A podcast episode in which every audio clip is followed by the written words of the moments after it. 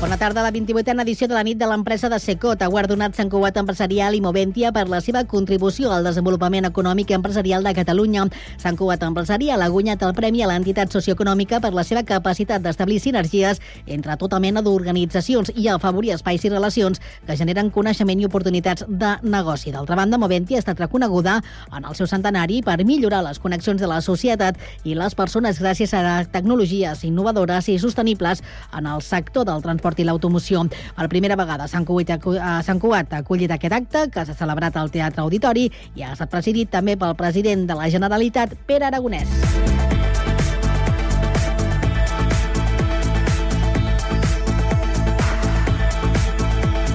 La síndica de Greuges, Helena López Macho, ha presentat aquest dijous a la Junta de Veïns de l'EMD els resultats de l'informe anual de les actuacions dutes a terme el 2022. Queixes per denegacions de llicències d'obres, sobretot les pendents de la urbanització de l'Avinguda del Baixador, centren els temes que ha tractat la síndica. López Macho ha tramitat 27 expedients al territori, d'aquests 6 són assessorament i 21 són queixes, de les quals s'han admès 16. L'Inserso ha obert ja el seu programa de viatges per a gent gran, però els problemes d'accés a la web per inscriure s'ha provocat aquest matí cues de viatges el Corte Inglés, on es pot fer de manera presencial. Fins a una cinquantena de persones esperava a primera hora del matí per poder apuntar-se al viatge entre els que esperaven el mateix sentiment, indignació i resignació. Enguany, l'Inserso ofereix 808.226 places i els preus oscil·len en funció de la zona dels viatges. Atenció a la matinada de dissabte a diumenge. D'aquest cap de setmana s'hauran d'endarrerir els rellotges una hora. A les 3 de la matinada seran les dues. D'aquesta manera començarà l'horari d'hivern, una mesura d'estalvi i eficiència energètica que s'aplica en una setantena de països arreu del món, entre ells l'estat espanyol. A la Unió Europea, tots els estats membres han de canviar l'hora de manera obligatòria la botiga Jardilan ha organitzat una jornada d'adopció de gats i gossos per aquest diumenge. En col·laboració amb la protectora d'animals Cau Amic, el negoci Sant Coatenca ha preparat diferents activitats en benefici de l'associació Sant Coatenca. Entre les 10 del matí i les 2 del migdia de diumenge, Jardilan convida els compradors de la botiga a ser partíceps d'aquesta jornada d'adopció. Res més per ara. La informació torna d'aquí una hora a la mateixa sintonia i constantment a internet a www.cugat.cat.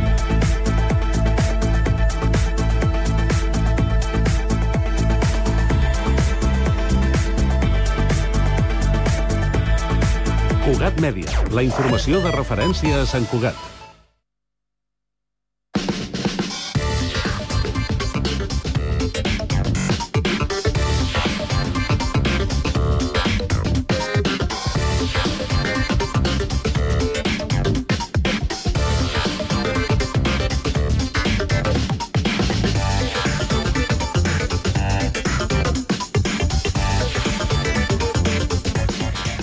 La tarda, 3 minuts, inici de la segona i última hora d'aquest Connectats de divendres.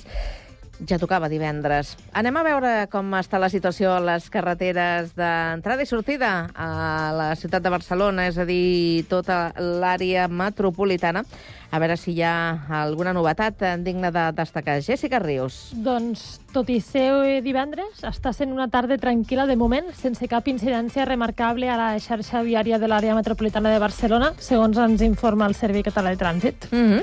Anem, doncs, al Transmet. Comprovem com està funcionant el transport públic. Albert Garram, bona tarda. Doncs avui divendres estem tenint un matí, la veritat que molt tranquil, seguint la tendència d'ahir, i parlem de normalitat a hores d'ara a la xarxa de transport públic de l'àrea metropolitana, amb tots els serveis de transport públic funcionen segons els horaris previstos i les freqüències de pas planificades. Recordem, això sí, que la línia R3 de Rodalies un dia més funciona amb el servei alternatiu per carretera entre les estacions de Mollet, Santa Rosa i el Figaró, fet que provoca que els temps de desplaçament siguin superiors als habituals. De moment això és tot des del Transmet. Bon cap de setmana.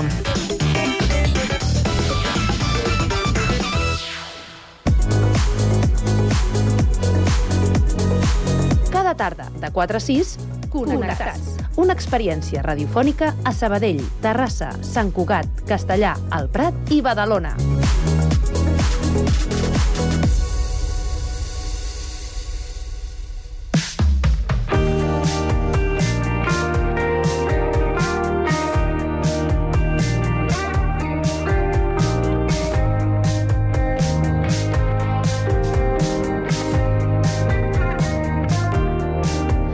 Avui en Pau Duran ens ha promès que sortia per Sabadell a buscar locals singulars fins que en trobés algun perquè ens cridés l'atenció a la gent de fora de la ciutat. Bona tarda, Pau. On, on has anat a parar? Bona tarda. Doncs mira, us sorprendrà que estic en un lloc que, tractant-se de Sabadell, eh, em podríeu fer la rima vosaltres, gairebé. Estic al Malapell, un local d'especialitats. Val a dir que m'entra tot molt bé per la vista, eh? tot el que estic veient per aquí, molta color, mo molta qualitat, però vull que m'ho expliqui la seva responsable, que és la Núria Castells. Com estàs? Hola, bona tarda, molt bé mm, Malapell, com, com se't va acudir venir aquí i plantar aquesta pica Flandes? buscàvem, buscàvem un nom pel projecte i no hi havia res més sabadellenc que posar-li Malapell, que pot semblar una provocació, però a la vegada nosaltres ho prenem com una mica d'homenatge també, no? de, de deixar les coses ben clares del principi, i per això va venir Malapell. Què és Malapell? Doncs Malapell és a primera vista una botiga eh, de productes de proximitat, conserves i alguns frescos, vins, escomosos, etc. És a dir, una botiga de queviures eh, que té una, bueno, té, té una cosa concreta, que és que els, tots els productes que hi ha són productes fets a Catalunya, i, i són etiquetats en català. Llavors, era una mica per voler-nos diferenciar de la resta de botigues delicatessen, gourmet, que posen tots aquests segells, on hi ha molt producte francès, molt producte italià, etc. Llavors, Malapell és, és un aparador de projectes eh, d'alimentació de proximitat singulars que no es troben als supermercats, per exemple, no? I, i que no vol dir que siguin cars, eh? que, que hi ha gent que s'espanta una mica i no gosa entrar per dir, oi, això serà molt car. No. Són... Veu cosa neta i brillant i diu, ui, mm, diners. Clar, no, no, no és una joieria. El que passa que és producte singular, és producte que hi ha moltes persones al darrere, que hem pogut conèixer, que són gent fantàstica, no hem trobat ningú que, que no fos simpàtic i agradable, i això és el que volem mostrar. I té una segona pota que també eh, Malapell és una botiga amb espai de degustació on hi passen coses, i passen coses sobretot en l'àmbit cultural. I, i ens agrada pensar que la gastronomia i el món del vi forma part de, de l'àmbit cultural. Llavors, doncs, programem tertúlies literàries amb una copeta de vi, programem tastos de vi i formatge i ben aviat programarem coses mmm, que tenim al cap que també doncs, relacionen tema de llengües, tema d'arts, de, de manualitats, etc. Estem a les beceroles, eh? vull dir que tot just comencem. Però això em sona una mica a una altra cosa que li havia vist a la Núria Castells, que era aquest bibliotecària, dic v, amb la B baixa, eh? Sí, el, el bibliotecària va ser una cosa que vam fer abans de la pandèmia, va ser una tertúlia bastant monumental perquè vam ser més de 40 persones on es va presentar un vi, un vi del Montsant, que, que si algú recorda o va ser a la biblioteca inicial pot venir a comprar aquell mateix vi aquí, perquè el tenim a, al Malapell. Uh, Digue'm el nom, i ara m'he quedat amb la intriga. Bé, és un, és un vi blanc que es diu Solafred del celler Marroig de, del Montsant. I, I allò era, doncs, això, una tertúlia literària informal, no és un club de lectura, és una conversa, on participa tothom que vol, i on cadascú, doncs, per exemple, diu un llibre, un llibre que has llegit, un llibre que vols llegir, que has escrit, que has traduït, que tens ganes de comprar, que te'l recomanen, etc. I d'allà surt una llista, i aquesta llista després es comparteix amb tots els, els participants. I això es fa sempre doncs, acompanyat d'una copa de vi i s'explica tant el vi com s'explica, i es poden fer biblioteques amb B baixa, temàtiques, vull dir, potser un dia se'ns acudeix fer el de la novel·la negra i posem un priorat d'aquells fortots per dir alguna cosa, o se'ns acudeix fer una sessió especial d'infantil i juvenil, o de cara a Sant Jordi ja ens inventarem alguna cosa perquè segur que hi haurà alguna cosa. Com et vas trobar amb aquest projecte del, del Malapell? Més una cosa que a mi em rondava, em rondava sobretot la part aquesta de, la, de les activitats, de la gestió cultural, de l'agitació cultural al final, per formació jo hi soc molt propera i per trajectòria professional sempre m'ha interessat. I en paral·lel, en el meu temps lliure em dedicava doncs, al món del formatge, a muntar una fira de formatge a l'Alt Urgell, el món del vi també és una cosa que a poc a poquet hi ha anat entrant. Els tres socis que formem a la pell eh, som amants del món del vi, som amants del bon menjar i una mica una cosa va portar l'altra de poder-li donar cara i ulls, perquè no ens enganyem, amb les activitats culturals no sobreviuríem, perquè encara no tenim aquell costum de pagar per la cultura el que realment val. I llavors vam fer això, no? vam dir, doncs, escolta, hi posem un eix central que sigui la botiga de productes i, a més a més, hi fem les activitats. Dius que et queda a prop per formació i per eh, trajectòria. Explica'ns-les. Mira, jo sóc bibliotecària de formació i també tinc estudis en filologia catalana i he estat molt temps vinculada al que és el foment i la promoció de la lectura, tant en biblioteca escolar com en biblioteca pública com en entorn més privat. I després la gestió cultural, doncs, des de muntar congressos especialitzats per tercers fins a això mateix de muntar una fira de formatges. No deixa de ser també una experiència de gestió d'esdeveniments, per dir alguna cosa. I per aquí ve tot. Ens cau lluny geogràficament, però aquesta fira de formatge, Estela, eh? la, la volada que va agafar. Bueno, és, és, és una fira petita dins del sector, portem quatre anys perquè la pandèmia, evidentment, per motius obvis, no es va, no es va fer la fira que tocava, era la segona, és la que ens hagués tocat eh, una mica solidificar el projecte, però sí, és una fira que es fa en un poble molt petit, que es diu Castellnou de Carcolza, a l'Alt Urgell, i és un poble insisteixo, molt, molt petit, que durant un dia a l'any, a Plegos, rep centenars de visitants amb una proposta formatgera excepcional, que és la de l'Alt Urgell i les comarques veïnes, Cerdanya, Pallarsos, Berguedà, etc. Què et porta d'anar fent aquests salts geogràfics? Ara cap aquí, ara cap allà. A veure, jo sóc filla de, de la Vila de Gràcia, i vaig venir a viure a Sabadell perquè el meu marit és de Sabadell. O sigui, el Gràcia que no és de Sabadell, el Gràcia de Barcelona. L'altra Gràcia, exacte. Um, doncs vaig venir aquí perquè el meu marit és d'aquí i vam crear el projecte de família, diguem, el vam crear a Sabadell. I la part de l'Alt Urgell, doncs, per arrels familiars, jo me'n sento uh, tant com me'n puc sentir de la Vila de Gràcia i ara jo suposo que ja dec tenir el carnet de sabadellenca, no? Perquè després de totes les coses que hi monto i, i sobretot la botiga, jo crec que ara ja Sabadell em pot donar el carnet oficial. És més, tinc dubtes, digue'm tu la teva opinió, de si algú ben bé de, del Sabadell de Socarrel podria haver jugat aquest enfocament que li has donat o que li heu donat al Malapell. Sí, per descomptat, perquè hem, hem tingut molts clients o passavolants que ens han entrat a felicitar per el nom, per la iniciativa i que els fa gràcia.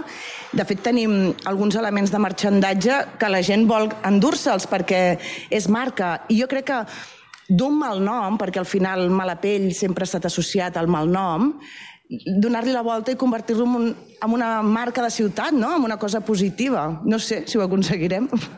Ve gent de Terrassa a buscar? No només ve gent de Terrassa, sinó que tenim una treballadora de Terrassa, vull dir que sense cap problema. I a més, eh, no sé si està actiu encara, perquè en el, en el Maps no ho he aconseguit esbrinar, però és que he trobat fins i tot un malapell aquí separat, eh? no amb el nom junt, a Terrassa i tot. Doncs això no, no em consta. Ens consta un celler que hem d'investigar a la zona de Collserola, que es diu Bodega o Celler Malapell, que diria que fan vins dolços. Ho estem, ho estem investigant perquè ens interessaria molt doncs, poder-los conèixer i, sobretot, doncs, si fan producte que ens encaixa a la botiga, per què no? El, parlaves una mica d'aquesta gent que vas trobant agradable, simpàtica i amb ganes de donar a conèixer aquest tipus de producte. Això és una feinada al costat de dir, mira, formem part d'aquesta distribució, ens ho porten ells i la resta no cal ni que poseu un peu a la botiga. Sí, és una feinada. És una feinada tenir molts proveïdors perquè això implica una feina de gestió administrativa molt més elevada que no passi tens doncs això, una distribució que et porten els, els productes, però clar, si volem donar valor, un valor afegit als productes, si volem mostrar productes realment singulars, són els que no treballen habitualment amb distribuïdors. Llavors anem directament al productor, al, al pastor que fa els formatges, que això sí que tenim una empresa que ens ho facilita molt bé, però la resta de coses mm, a veure, el vi també, doncs el vi també treballem de distribució perquè hi ha molt poc vi que treballi directament, tot i així tenim alguns casos que anem directe al celler. Això porta una feinada no només de recerca, de quilòmetres, eh, d'això, de, de factures, pagar amb transferència o pagar... El, el, cadascú és un món diferent. Porta forta feina, sí. Tot i així, creus que s'està començant a valorar el fet aquest de sortir-se del que seria l'engròs aquest de les grans distribuïdores? Eh, vas veient que hi ha un, un client, un públic que vol venir aquí en lloc d'anar a l'altra banda? Sí, sens dubte, hi ha, jo crec que hi ha una, una tendència en els hàbits de consum de tenir molt clar d'on venen les coses, quins ingredients porten aquestes coses, conèixer fins i tot o poder anar a fer una visita al lloc eh, d'on prové aquest producte i valorem eh, cada vegada més doncs, les qüestions més naturals, més de proximitat, que no, insisteixo, eh, que no sempre va lligat amb el cost de, real del producte, eh, però sí que ens hi fixem una mica més. Jo crec que a partir, de, a partir del Covid no sé si us recordeu que molta gent eh, que tenia negocis d'alimentació no podia servir a restaurants o hotels perquè estaven tancats i oferien els seus productes online, mig cabrit, eh, formatges, etc. Ens vam adonar que teníem al costat de casa coses espectaculars i que no calia anar a buscar segons què perquè ho teníem al costat de casa. Jo crec que aquí, o com a mínim una generació va fer un canvi de xip, de dir, jo a partir d'ara Ah, el formatge només gasto d'aquest, no? Després també hi ha el tema de que aquesta botiga, una botiga de queviures, que s'hi pot venir cada dia, perquè hi ha moltes coses d'ús diari, però estem molt especialitzats en allò que en podríem dir un, un capritxet, un detall per fer un regal, fem, fem lots, fem paneres, de cara a Nadal, per descomptat, serà un dels productes estrella. Llavors és aquest tipus de botiga, per sorprendre, per dir, um, ostres, jo això potser no m'ho compraria per mi, però vull fer un detall. O tinc un sopar, vull fer-lo a través d'aquests productes. Amb la qüestió dels vins, jo animo a tothom a que vingui a treure el nas perquè hi ha coses molt diferents, molt originals, i no, no estem parlant de que siguin vins estranys, sinó que són vins comercials, però que no els tenim gaire vistos, i està bé també. Eh, a banda d'això, aquest local està triat amb ull clínic, eh? perquè aquí jo veig dos aparadors, un a cada carrer, final també de dos carrers de lo que és el, el centre peatonal de Sabadell, al costat de la plaça del Gas on hi ha terrasses, aquí s'acaba el carrer Sant Pere, i aquells cotxes que van fent la volteta del centre, no? que van buscant la manera de, de sortejar-lo, doncs escolta, et passen a un aparador i després l'altre. Sí, la veritat és que aquest local és una meravella, eh, estem contentíssims, no només per la ubicació, sinó també perquè hem fet una feina en col·laboració amb l'estudi de quatre cadires que ha deixat un local impressionant, no? Ha deixat un, un espai molt bonic que jo crec que transmet tota l'essència del projecte, aquella botiga de queviures d'abans, una mica, però amb la modernitat actual. I, I sí, penseu que mentre fèiem la, una mica la reforma i les obres, aquest aparador era com una peixera, perquè fins i tot de nit, que ens havíem quedat a treballar sovint, gent mirant una mica, espiant a veure què s'hi posaria. I ara encara ens passa, hi ha molta gent que l'aparador, sobretot l'aparador que dona a Carrer Sant Pere, bueno, a la plaça del Gas, és, és superatracció, és, és molt atractiu i tothom s'hi para a mirar. També és veritat que tenim gent a l'equip. La, la meva sòcia, l'Eli, és una crack muntant aparadors des d'aquest punt de vista estètic, amb la qual també crida molt l'atenció. No? El, posat ara tenim tot de carbassetes perquè és tardor i és castanyada, tenim tot de productes així. Crida l'atenció, la veritat és que és un bon reclam. Va, triem una cançó per acabar l'entrevista i explica'm el per què aquesta.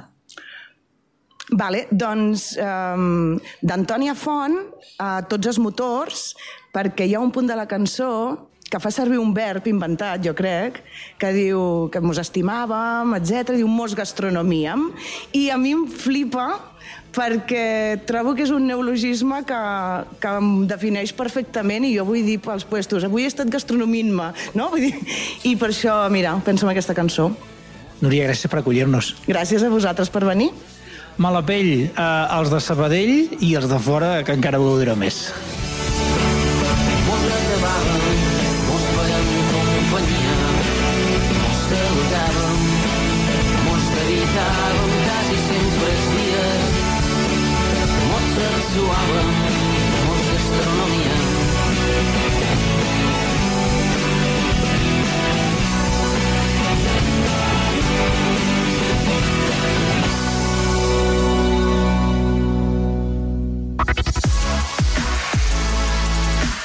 Connectats, una experiència radiofònica a Sabadell, Terrassa, Sant Cugat, El Prat, Castellà i Badalona.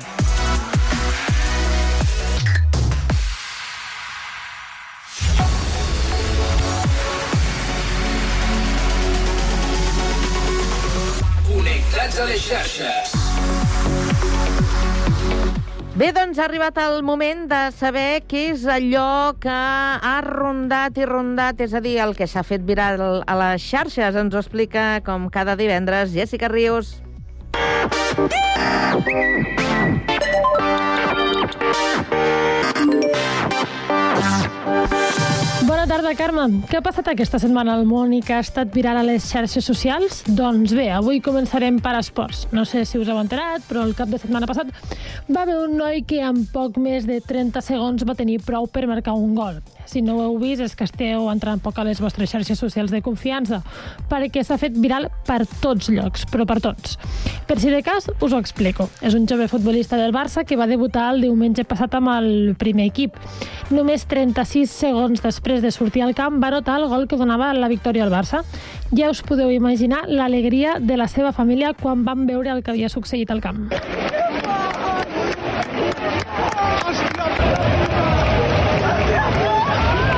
Aquesta família havia anat a veure si el seu fill debutava, només si debutava. Hi havia la possibilitat de que només el veiessin a la banqueta i, molt, i la possibilitat era molt alta. Doncs aquest noi es diu Marc Guiu, nom totalment normal, no? A la seva samarreta hi podem llegir Guiu, G-U-I-U. Pels catalans no hi ha problema.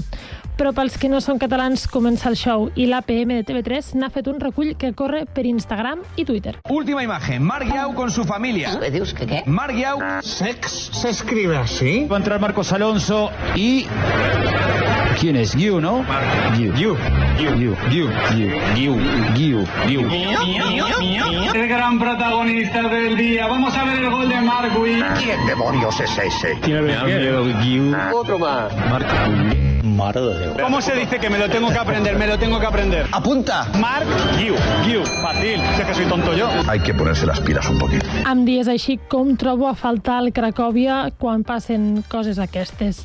Amb Cesc Fàbregas ens ho vam passar molt, molt, molt i molt bé i com sembla que Marc Guiu el veurem bastant, si us plau, Polònia, fes-lo teu ara que no tenim el Cracòvia. Seguim al terreny de joc i anem cap a la polèmica arbitral que també té molt de suquet a les xarxes socials. Fico en situació David López, jugador del Girona, que sembla que aquest que aquest Girona l'ha fet por de cop, no? Però això, bueno, això és un altre embolic um, que és meu. Va declarar que l'àrbitre, el David López, va declarar que l'àrbitre del partit els insultava i els menyspreava els jugadors. El Boden David ni, ni va ni va bé que se'l van creure, però n'hi va haver d'altres que el ficaven en, en dubte ficaven en dubte la, la seva queixa dient que s'havia escalfat massa i que l'àrbitre mai diria res als jugadors. Doncs jo avui vinc aquí per aclarir el que va passar. No és que jo sigui la veu de la consciència ni res per estil, però... No, no, però res. Jo només us porto el que corre per xarxes i això és el que s'ha fet viral a partir d'un tuit d'un diari esportiu per deixar clar el que va passar realment. Un anillo venido. Coño, hay que tocar, ¿eh? Algo yo por aquí. No, es que siempre lo ha hecho por aquí ver, en todo. Nada, no está ahí. Encima me dice que no lleva nada, que lo peor de todo es que me el pelo. Es lo que más, lo que más me enfada. Antes de empezar, le reviso.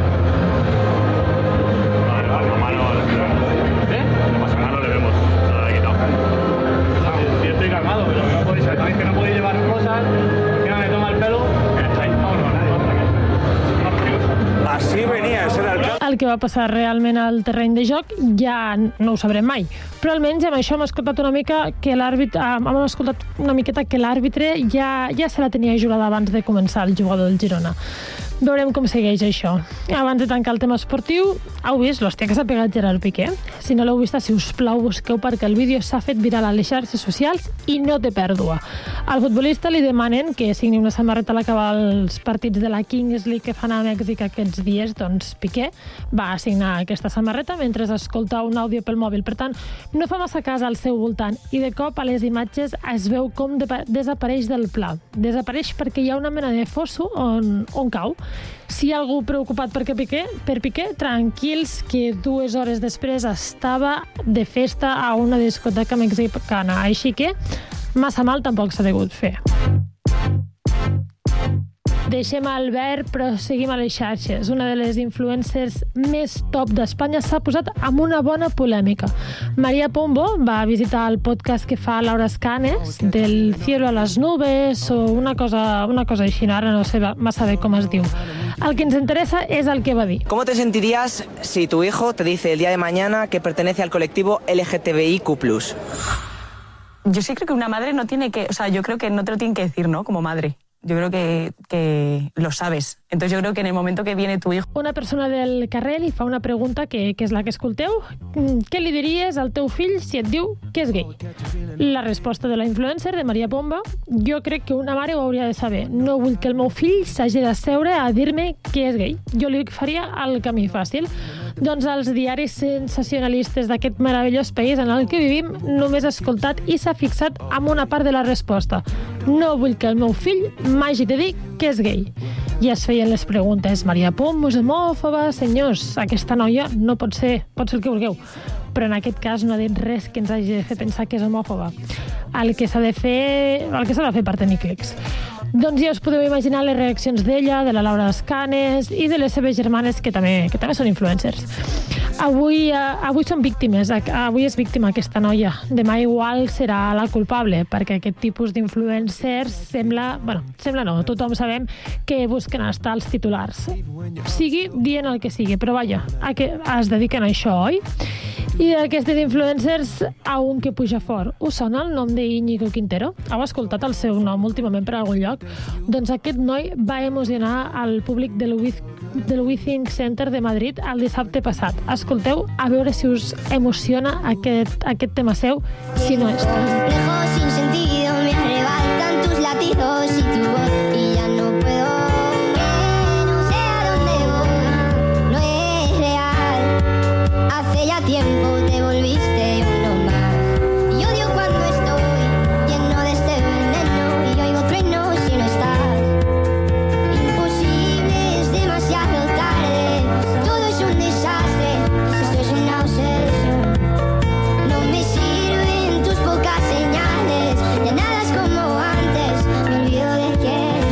músic gallec de 22 anys va ser la sorpresa del concert Por Ellas, de Cadena 100. 15.000 persones hi havia de públic i era la primera vegada que interpretava el tema davant de tanta gent. Quintero va firmar amb la discogràfica Acústic, la mateixa que va signar Guitarrica de la Fuente i Paula Cups, no sé si us sonaran, però al març ja tenia 30.000 oients mensuals a Spotify. Ara, a finals d'octubre, s'aproxima als 20 milions. Increïble, oi? Doncs apunteu bé el nom, que sembla que teniu un, un nou Pablo Alborán o algun artista d'aquests així que, que acabarà guanyant algun dels premis de la, grans de la música. Si voleu escoltar més coses d'ella per d'anar a Spotify, podeu recórrer les xarxes socials que en van molt plenes de vídeos amb ell i els seus temes. Busqueu, busqueu. I per acabar el repàs de les xarxes socials, fixem-nos amb el que ens interessen de veritat. La publicació amb més reaccions ha estat la xerrada amb el col·lectiu Ronda sobre la nova directiva europea que vol reduir la presència de l'amiant a Europa. També hem conegut Joel Esteban, el jove pilot pretén que la pròxima temporada correrà en el campionat de Moto3 amb el Team Spar. Hem tingut a tres alumnes i un professor d'Àgora Sant Cugat que han pogut visitar l'Space Center Houston de la NASA. I hem conegut a Isabel Serrà, que ha fet el camí de l'exili que va traçar amb el seu pare 85 anys després. Ho podeu seguir i recuperar-ho tot a les xarxes del Connectats. Estem a Twitter, Facebook i Instagram. El que curiós d'aquesta setmana és entre viral, graciós i un pèl penós. Ja sabeu que Biden, cada vegada que surt davant la premsa, en lia alguna. De les últimes va ser la que va dir que havia nascut a l'Iran i també, no sé on va dir, que també havia nascut el seu fill quan va anar a fer algun viatge. També va fer aquella de donar la mà a algú que, que no existia, que no hi havia ningú al seu costat. O crec que també va anomenar a una senyora que havia mort i la va anomenar com si fos part del seu nou grup de govern. No, no sé si ara mateix m'estic liant massa, però n'ha fet algunes així. Doncs tenim capítol 3.000 de Biden. I apologize. I have to go to the situation with another issue I have to deal with. Thank you, thank you, thank you. Joe Biden va interrompre un discurs per anunciar que necessitava dirigir-se, literalment, dit per ell, a la sala de situació. Hi ha un assumpte que necessito abordar.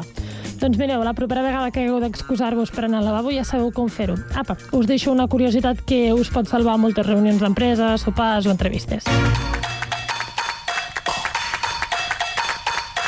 Què s'ha estrenat aquesta setmana a les plataformes? Comencem amb una pel·lícula que, que portem molt temps esperant, ja que la van anunciar fa moltíssim temps.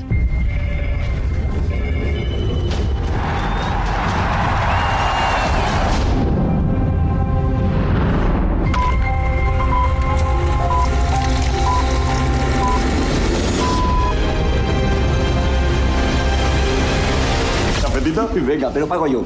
¿Qué pasa, que estás malo? No, que tengo la tarjeta del sindicato.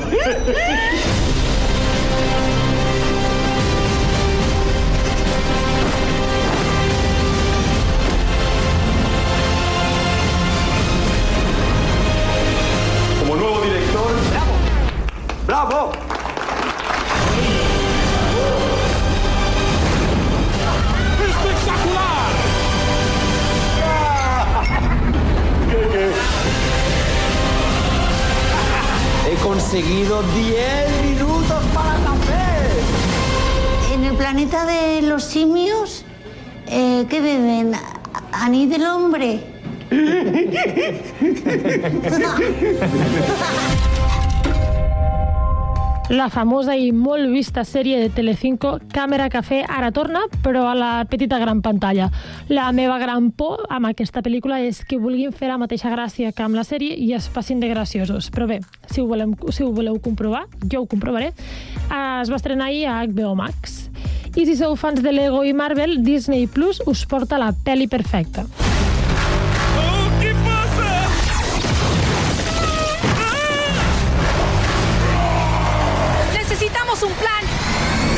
Tony, ¿podemos animar la velada? Viernes, pon música. Lindo escudo, Cap. Como el tuyo, Cap. ¿Sabes bailar? Por supuesto. Menos bailar y más aplastar.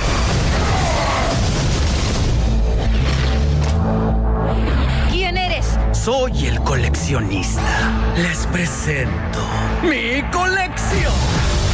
Cuando llegas a ser tan importante como yo, solo te conformas con lo exótico, lo único. Pero aún así no basta. Por eso decidí coleccionar Vengadores. ¡Atrápenlos!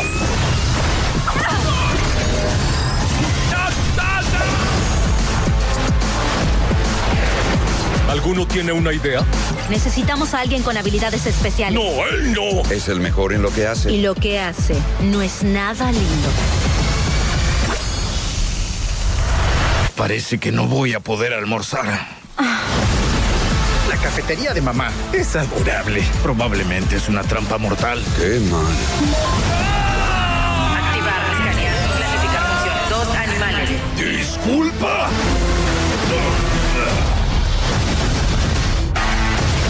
Vamos a construir una salida. Llegó la hora de coleccionar robots. ¡Ahora! Esto en serio los va a sorprender.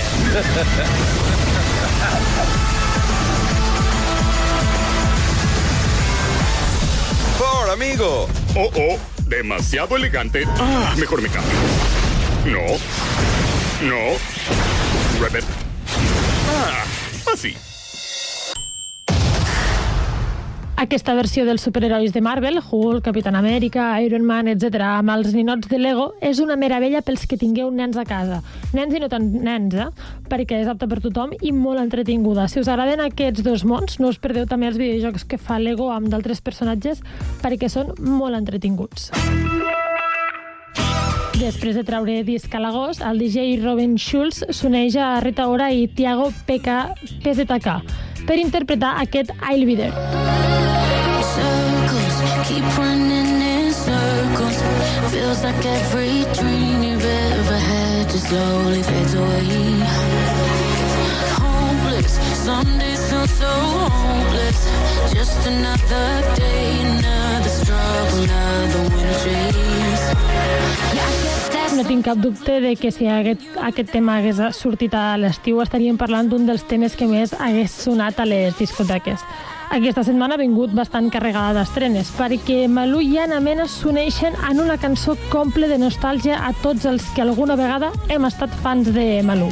Diles és la versió del tema que va veure la llum al 2005 i que ara interpreta amb Anna Mena que la tornem a escoltar en aquest Tomes Pupero, que feia temps que no escoltàvem d'ella. Amb aquesta nova cançó, amb aquesta nova versió de Diles, m'acomiado fins divendres que ve. Bon cap de setmana. Que una infeliz toda mi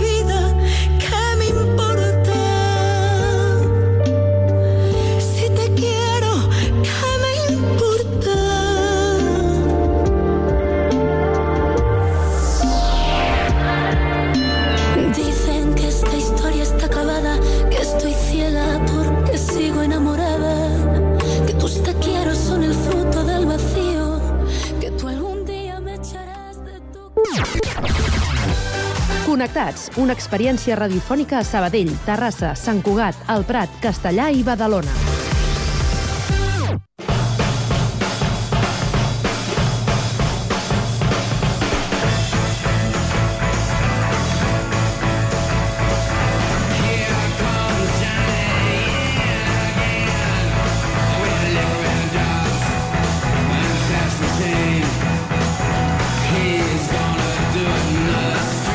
Bé, doncs, després del repàs a les eh, xarxes socials, arriba el torn de la cartellera. Com sempre, a aquesta hora ens acompanya Sergi Estapé, també el periodista Jordi Guillem, des de Terrassa. Un repàs a les estrenes del cap de setmana.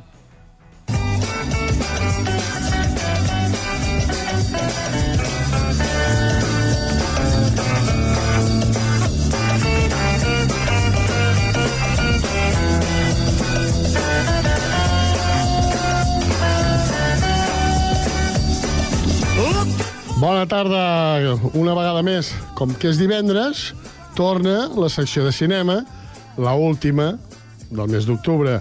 Com sempre, en aquest cas, per això, per la via telefònica, a mi em fa la sensació que no n'hi ha donat la gana de venir, amb el periodista de diari de Terrassa i cinèfil Jordi Guillem. No t'ha no vingut de gaire de gust venir avui. No, avui estava fora del país. Sí, sí, tant, sí, eh, claro, claro, entrar claro. per Bueno, això enganya l'audiència, a mi no. Uh, escolta, una cosa, com sempre, repassarem cinc de les estrenes de la setmana. Avui podem dir que, bueno, una setmana normaleta. No? Hi ha- Discreta, discreta. Sí, bueno, però tampoc hi ha ni moltes pel·lícules ni poques, sinó que Hi ha una molt bona, eh? podríem dir un terme mig. Aviam si, si la que dius és la que no vull que diguis. Aviam. Uh, començarem amb una comèdieta d'aquestes típiques, uh, Jordi Sánchez, Carlos Areces, Carlos Areces, Silvia Abril, Lo- Loles León, Carmina Barrios, Ray Torres, és a dir, tot, tot l'elenc d'actors i actrius típiques de les comèdies. La comèdia es diu Alimanyes Sí. i eh, la dirigeixen el mateix Jordi Sánchez i un tal Pep Anton Gómez. Què me'n pots dir que jo no hagi dit?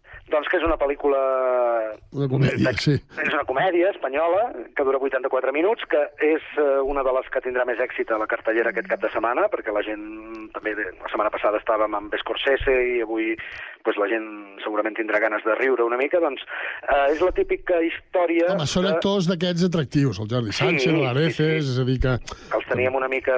Jordi Sánchez, sobretot, està una mica desaparegut últimament, i, evidentment, Carlos Areces, la Sílvia Abril, com deies, L'Oles León, la Carmina Ja, Barrios... però ara per què ho tornes a dir, si ja ho he dit jo? No, però Carmina Barrios no ho havies dit. Sí, sí que l'he dit, sí que l'he dit. Tot, para, para la cita. Un que, un que t'has dit deixat... Carmina Barrios i Antonio Resines. Exacte, i un que t'has deixat i que a mi m'agrada molt, que és Saturnino García, que és, és aquell actor que va fer eh, aquelles pel·lis de, dels, de, de, del, d'un toreros, i, en fi, un, un clàssic del, Sí, del sí, cinema és espanyol. un secundari més aviat, eh? Sí, mira, la història és molt senzilla. Són dos germans molt diferents, el Carlos i el Paco, que són el Carlos Areces i el Jordi Sánchez, que acaben units per l'ambició d'heretar un edifici que és propietat de la seva mare, que ja és gran. És una mica allò tan català de que la, la, la vella, entre cometes, s'està morint i estan tots els voltors allà esperant, no? Doncs seria això. Per això es diu Alimanyes. Exacte. Doncs totes les seves esperances doncs, per sortir de la precària situació econòmica en què es troben passa, passen per heretar doncs, aquesta, Aquesta finca. aquest edifici, aquesta finca familiar i, en fi, ja, Les ja típiques pots imaginar situacions. sí, Exacte. una comèdia d'equívocs, i, en fi. Doncs escoltem un trosset de- d'Alimanyes, va. Venga. Hace unos años empecé a salir con una compañera de trabajo. ¿Sabes que cuando te cases con mi hijo me vas a tener que limpiar la caca? ¿Eso te dijo? ¿Qué pasa? ¿Qué quieres? No se mueve. ¿Qué? Mamá, Que ya está, que ya se ha muerto. ¿seguro? O sea, que me han hecho venir para nada. ¿Quién coño ha dicho que estaba muerta? Cuando te he llamado hace media hora no se movía. Doncs aquest Alimanyes, aquesta comèdia típica espanyola, amb Areces, eh, Jordi Sánchez, Resines, etc. Tornem a dir un altre cop? Sí, sí, ho dic perquè, com que t'ha agradat repetir-ho, doncs dic, va, vinga, tornem-ho a dir, que la gent no, no se n'ha assabentat. Ens anem a Japó, pel·lícula d'animació, eh, títol original, Kimitachi wa Don Kiru Ka. Bueno, en realitat... Correcte. El Chico i la Garza. Va, què m'expliques? Obra mestra absoluta, El Chico i la Garza Obra és... mestra. Obra mestra, sí, sí. És la, és la darrera producció del millor cineasta d'animació del món que, que ha sentat a escola, que és el senyor Hayao Miyazaki. Uh, segurament el recordareu, haureu vist uh, diverses pel·lícules seves, com per exemple El, via el viaje de Chihiro, eh, El castillo ambulante, La princesa Mononoke, Porco Rosso, Mi vecino Totoro, fi, no acabaríem. Mhm. És una pel·li... Uh, que, que a través de, de trobades amb els seus amics i el seu oncle, eh, un adolescent, eh, que és el, el, el noi del títol, eh, entra en un món màgic amb una, amb una garça, la garça del títol, eh, que parla i que, en fi... Li, li, Una garça pel·lícula- gris, eh? No sé Gris, si, sí, si sí, això sí, vol dir una una garça gris cosa. que, que en fi, té, parla amb ell i tenen una relació peculiar. És una pel·lícula bastant intimista, però amb una fotografia, eh, amb una animació espectacular. La, la pel·li es va estrenar al Japó el 14 de juliol, va inaugurar el Festival de Sant Sebastià. Uh -huh, Eh, S'estrena avui, setembre. Uh -huh. exacte, avui dia 27 a Espanya, i als Estats Units s'estrenarà a finals d'any, és a dir, que és una estrena que podem veure aquí abans que als Estats Units. Bo. Eh, Miyazaki va anunciar que es retirava, afortunadament no, no ho va fer, la pel·li es va veure a Sitges, a Toronto, en fi, és un, és un cineasta amb una gran, amb una gran quantitat de seguidors i, una factura estètica admirable. Molt bé, doncs els que us agrada l'animació i més d'aquest eh, cineasta que deia el Jordi, doncs eh, esteu d'enhorabona perquè podeu veure aquest El Chico i la Garza. Tornem al cine espanyol i tenim un drama que es diu La contadora de pel·lícules, tot i que eh, és una pel·lícula que es, el seu, diríem, que transcorre a Xile, no? Sí, sí, sí, a més és, és una pel·lícula que eh, la dirigeix eh, Lons Cherfic, que és una cineasta que no és espanyola, és danesa, eh, va Mhm. dirigir An Education, una, un italiano, italiano para principiantes també. És una pel·lícula força interessant de cinema dins del cinema, ambientada als anys 60, eh, com bé deies, a Xile, concretament al desert d'Atacama. Eh, eh, explica la història de la Maria Magnòlia, que és una dona que tot i viure en condicions complicades, intenta transmetre a la seva filla, Maria Margarita, la cosa de flors, la seva passió per l'art, no? i pel cinema concretament. I la Maria Margarita, la filla, es, esdevindrà la contadora d'històries de, del títol i es passa, doncs, eh, es passa el dia al poble parlant amb els habitants que no es poden pagar una entrada al cinema per veure's transportats aquests mons màgics i meravellosos, doncs ella els hi fa de cinema i els hi explica. Mhm. És una pel·lícula amb un repartiment curiós, dèiem, és Un gran, un gran actor que a tu i a mi ens agrada molt, Antonio de la sí. Torre, no? Estem parlant d'Antonio de la Torre, exacte. També la magnífica actriu francesa Berenice Bejo. Mhm. eh, hi apareix també un actor català, mm, alemany i català, nascut a Barcelona, Daniel Brühl, sortia Malditos Bastardos i d'altres, Mhm. i, en fi, Geraldine Neri, etc. És una pel·li eh, bastant que intenta tocar la fibra eh, en la línia, salvant les distàncies, del Cinema Paradiso de Giuseppe Tornatore, però, en fi, va una mica amb aquesta línia. El guionista és Walter Sales, un altre, també apareix Isabel Cuixet entre els guionistes. Eh, és una producció interessant. I amb molta amb, de, de, bueno, procedència de gent de procedències diverses. diverses i amb molta participació catalana, per exemple l'ESCAC, a través de Contracorriente, produeix, eh, Daniel Aranyós, el director de fotografia, en fi, és una, és una proposta interessant. Molt bé, doncs res, saps què farem? Escoltarem una mica i ja està. Dijo que estamos hechos del mismo material que los sueños. Yo creo que estamos hechos del mismo material que las películas.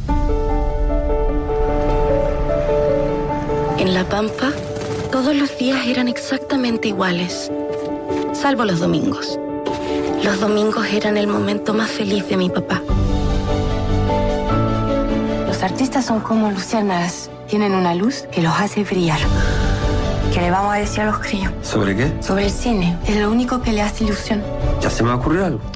Doncs, com deia aquesta última frase, el cine dins del cinema, és a dir, aquesta nana que es converteix en la que explica les històries ja que la gent no pot pagar anar al cine i, Exacte. per tant, doncs, almenys fa com una, una su- substitució, no? Escolta'm una cosa, marxem cap a Estats Units, un thriller que es diu L'assassino, The Killer, amb, eh, bueno, de David Fincher, no? Què, què em pots Sí, explicar? Ah, mira, aquesta és la pel·li que et deia que per mi és l'estrena de la setmana. Jo ara, quan surti d'aquí, me'n vaig al cine directament a comprar l'entrada i a veure-la, perquè David Fincher... No, no, primer acaba la feina, eh, per ser. Sí, no, no, quan acabi, quan acabi. Uh, David Fincher és un cineasta que potser molta gent no el coneix pel nom, però és, és un dels grans del Hollywood actual, és un dels grans creadors. Va començar l'any 1992 amb Alien 3. Us dic algunes de les pel·lis perquè us adonareu ràpidament, segur que les heu vist totes. És el director de Seven, de The Game, la pel·lícula de Michael Douglas, Sí. El Club de la Lucha, um, no L'habitació del gaire. També va fer rodat molts spots publicitaris, va fer Zodiac, una magnífica pel·lícula, Sí. uh, El curioso caso de Benjamin Button, La red social, Millennium, Los hombres que no amaban a las mujeres, la versió americana, ha treballat a House of Cards, Perdida, amb Ben Affleck, en fi, és, és un cineasta que només pel seu nom ja val la pena veure la pel·lícula, i tinc personalment molt d'interès, suposo que la nostra audiència en part també, per saber què ha fet en aquesta pel·li, en aquest thriller basat en un còmic que es diu The Killer, l'assassino, que explica la història d'un assassí que s'enfronta als seus caps i a si mateix en una persecució internacional que, segons diu ell, no és res personal. És, dir, és la història d'un assassí a sou i bé, venint de, de, de David Fincher, doncs ens podem esperar, en fi, un muntatge trepidant. De fet, els que l'han vist, la pel·li es va preestrenar a Venècia el mes de setembre, els que l'han vist ja diuen que és, és un portent de, de, de muntatge i de- i d'estètica cinematogràfica. Dir Amb que Michael estrena- Fassbender, no? Sí, exacte, director Michael Fassbender, clar, aquesta és una altra. I l'actriu protagonista és, és l'oscaritzada Tilda Swinton, o sigui que a partir d'aquí doncs, ens podem esperar qualsevol cosa.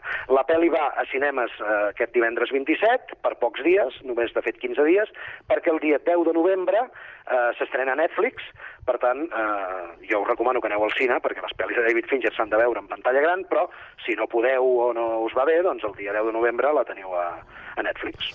Molt bé, doncs ja ho sabeu. Si, no, si aquest cap de setmana no sabíeu on anar aneu, i teniu Netflix, doncs aneu amb un altre i després ja podreu veure a través de la plataforma. Sí, home, ho dic jo. I acabarem amb el repàs habitual, aquestes cinc pel·lícules i tot això, amb una de Liam Neeson, un gran actor Sí. per mi. No sé si va d'aquestes que sempre acaba fent, de venjances i tal. Explica'm una mica. Es diu Retribu Retribution, no? Retribution, sí, és, és, diguéssim que la pel·li de la setmana per aquella gent, aquells que diuen que a mi no m'agrada eh, que l'expressió, però aquells que diuen vull veure una cosa que no sigui de pensar, doncs aquesta és la vostra pel·lícula. De fet, és un, és un remake, remake, exacte. És un, és un remake d'una pel·li espanyola que es diu El Desconocido, que jo la vaig veure i no està malament. És una Amb pel·lícula Javier Gutiérrez, no? de Javier Gutiérrez, Luis Tosar, Goya Toledo, Elvira Mínguez, dirigida per Dani de la Torre, i com ja s'ha fet en tantes altres vegades, doncs, pel·lis que triomfen al cinema espanyol, doncs Hollywood les agafa, i en aquest cas han contractat un cineasta que es diu Nimrod Antal, és un senyor nord-americà, malgrat el seu nom, per eh, això han posat Liam Neeson com a esquer, amb Jack Champion i Matthew Modine, que ja té una edat però segueix Uf, fent coses. I, I bé, la temàtica és la mateixa, eh? la pel·lícula espanyola és un home de negocis, nord-americà en aquest cas, que viu a Berlín, i durant un dia es troba amb una cursa contra rellotge, en plan com allò, a l'Speed aquell d'aquella Sí, pel·lícula sí. dels 90, Ah, i que ha de salvar la seva, la seva vida i la de la seva família, no? Rep una trucada telefònica, una veu misteriosa li diu que el seu cotxe està ple de bombes, i ella ha de seguir conduint amb el cotxe ple de bombes, perquè si no, eh, el mataran amb ell, mataran la família, i tot I això. mataran tot el que estigui. Exacte. Tota aquesta tensió doncs, per mantenir-se en vida i mantenir els seus en vida. No? Un thriller psicològic, eh, bé, està bé. Si no heu vist la primera... Per passar doncs, l'estona, per no pensar. Exacte. Escolta, escoltem una mica de Retribution. ¿No contestas? ¿Qué? No es el mío. Hola. Matt Turner, escucha atentamente.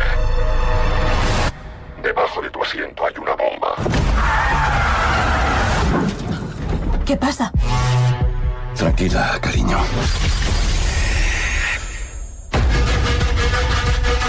Si te levantas del asiento, la bomba explotará.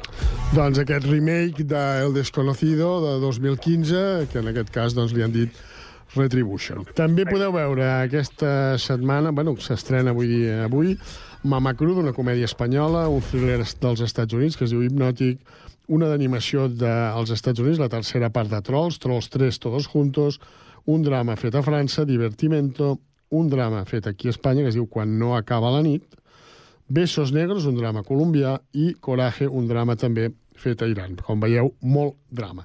I avui volies felicitar eh, un, eh, bé, un artista, un actor, també director, que fa 71 anys avui, que a mi no m'acaba de fer el pes.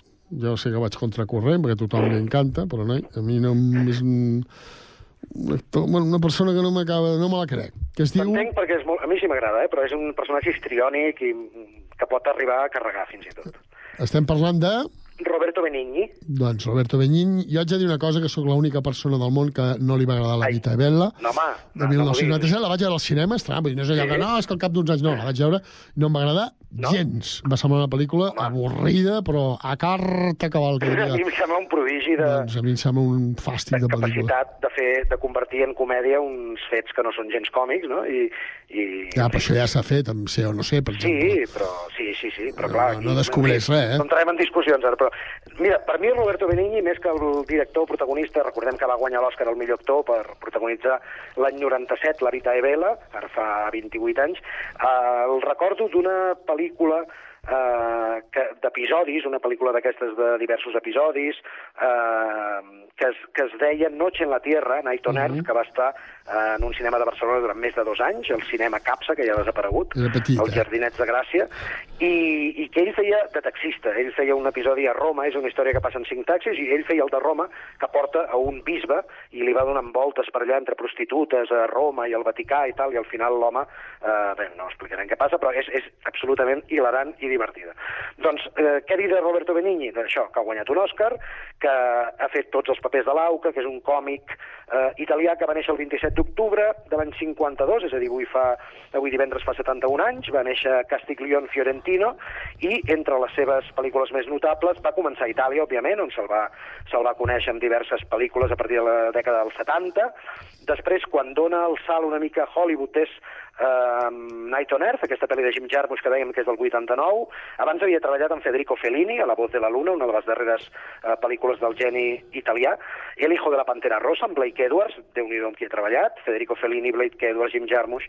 I a partir de La vita è bella, La vida és bella, l'any 97, de la qual és actor, director i guionista, doncs es va especialitzar i va començar a fer més comèdies, com Sí, Expedició el Bèl·lica Pinocho i, i, i, Pinotxo, i coses exacte. tronades de carta cabal. És a dir, Sí, després no no- podem no dir... masses coses, no, eh? home, és que no podem dir que hagi fet Sí, quantes no, no, com pel·lícules grans, grans, que diguis, ostres, No, no, sé, no. jo què sé, Robert De Niro, quantes pel·lícules No, impressionants no. li trobes, doncs? Estic amb tu, no és Jo comparable, el però... trobo un actor, bueno, a part de el que deies tu, l'histrionisme, molt, molt tronat. Sí, és, és un allò que diuen els americans de One Moviment, no l'home Sí. d'una pel·lícula, és la Sí, vita a més a més, la, la One Moviment per mi no val res. Escolta'm una cosa, marxarem, però, clar, hem de marxar amb la banda sonora de la Vita e Bella, Ah, no, no, no m'hi he matat gaire, t'haig de dir.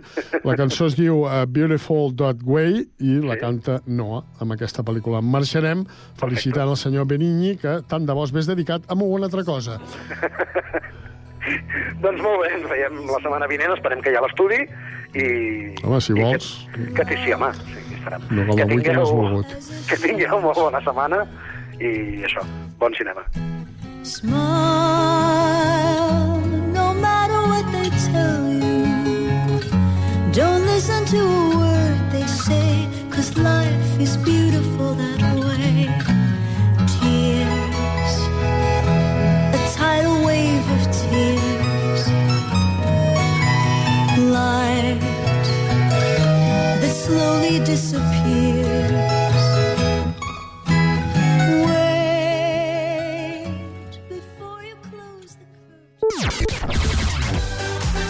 Connectats, una experiència radiofònica a Sabadell, Terrassa, Sant Cugat, El Prat, Castellà i Badalona.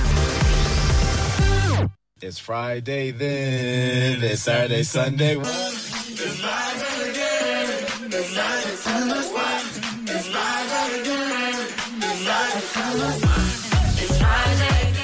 Doncs abans de marxar un repàs a l'agenda del Connectats perquè aprofiteu aquest cap de setmana que recordem és canvi d'horari. Comencem per Terrassa. Coneguem les seves propostes. Sergi Estapé, bona tarda. Bona tarda a Terrassa aquesta nit, a partir de les 9 hi ha la Factoria Cultural, dansa amb la Martha Graham Dance Company. Demà dissabte, a partir de dos quarts de 12 del migdia, inici de les 12 hores fantàstiques de cinema a Terrassa, al Cinema Catalunya. I diumenge a les 8 del vespre hi ha una Baixa Escava, actuació de les cantants terrassenques Cristina i Vall Rivera i Aurora, que presenta el seu EP Naive. Gràcies, Sergi. Anem ara a Sabadell. Pau Duran. Demà restrena la faràndula el musical Aladí. Per tercera i última temporada consecutiva, la joventut de la faràndula puja dalt de l'escenari les aventures del jove Aladí. L'entitat reinventa el clàssic de Disney amb un Aladí d'àgabre que s'embolica en tota mena d'aventures per tal de poder conquerir la princesa. Un espectacle per on han passat ja 9.600 espectadors. Si voleu gaudir d'aquest Aladí, ho podeu fer durant els pròxims tres caps de setmana a la faràndula. Gràcies, Pau. I a Badalona, Andrea Romera, bona tarda. Bona tarda de nou, Carme. Badalona Comunicació presenta demà dissabte dissabte El silenci de les ones, un documental sobre recuperar històries oblidades i teixir lligams entre el passat i el present. El fil conductor és el badaloní Pere Mitjans, un dels primers periodistes radiofònics de la nostra ciutat, condemnat durant el franquisme. Es projectarà al Teatre Zorrilla a les 6 de la tarda. Més tard, ja a la nit, Fusiònica 24.0, el festival independent i no comercial de música i art visual, arriba a la Sala Estraperlo, una nit de hardcore i punk. I aquest diumenge, al Parc del Torrent de la Font i al Turó de l'Enric, arriba el Jugatec Ambiental, amb activitats relacionades amb l'espai i el medi ambient. Serà una jornada de tallers itineraris guiats per educadors d'11 del matí a 2 del migdia. Gràcies, Andrea. Anem al Prat. Víctor Asensio, bona tarda. Bona tarda de nou. Avui mateix per la nit, de 8 a 9, es farà l'obra de teatre en miniatura Migrant Obra, un projecte ambicioso, al Teatre L'Artesà. L'obra representa una utopia on el mateix director, David Espinosa, explica que aquesta representació és el que ell faria si partís d'un pressupost il·limitat i pogués permetre's una gran producció. Demà dissabte, de 8 a 11 de la nit, es podrà gaudir de l'àmplia oferta gastronòmica de les diferents parades situades a la plaça de la Vila amb la nit de tapes al Mercat Municipal. Així mateix, l'obra gratuïta Esta casa és una locura es farà de dos quarts de sis a dos quarts de vuit del vespre al Modern. I en el 15è aniversari de la seva creació, el grup de teatre Els Bitxos vol retre homenatge al col·lectiu Pretenc Dones Sàvies pel seu compromís amb el barri. I acabem amb una proposta musical a la capsa. A dos quarts de vuit del vespre començarà el Quatre Raons, que s'allargarà fins a la una de la matinada. El preu de l'entrada normal són 15 euros i mig i de l'anticipada 12 euros i mig. Per a aquelles persones amb tarifa joves.prat, el preu es redueix a 5 euros. I pel que fa a Castellà, Guillem Plans? Bona tarda. El Calissó Cultural omplirà de música i propostes els propers dies. Aquest divendres 27, per exemple, a partir de les 9 s'ha previst un concert amb Bobby's Love, amb Maribel Lara a la veu i a l'ukelele i Manolo Germán al contrabaix i als cors. Porten un repertori que va del bolero fins al rockabilly, passant pel country, el blues, el swing i sempre amb un petit toc de jazz. Fan Gràcies. versions. Gràcies, Guillem. Recordem que a Sant Cugat us proposem la festa de tardor dissabte i diumenge. Centre neuràlgic, la plaça d'Octavià. Bon cap de setmana. Adéu-siau.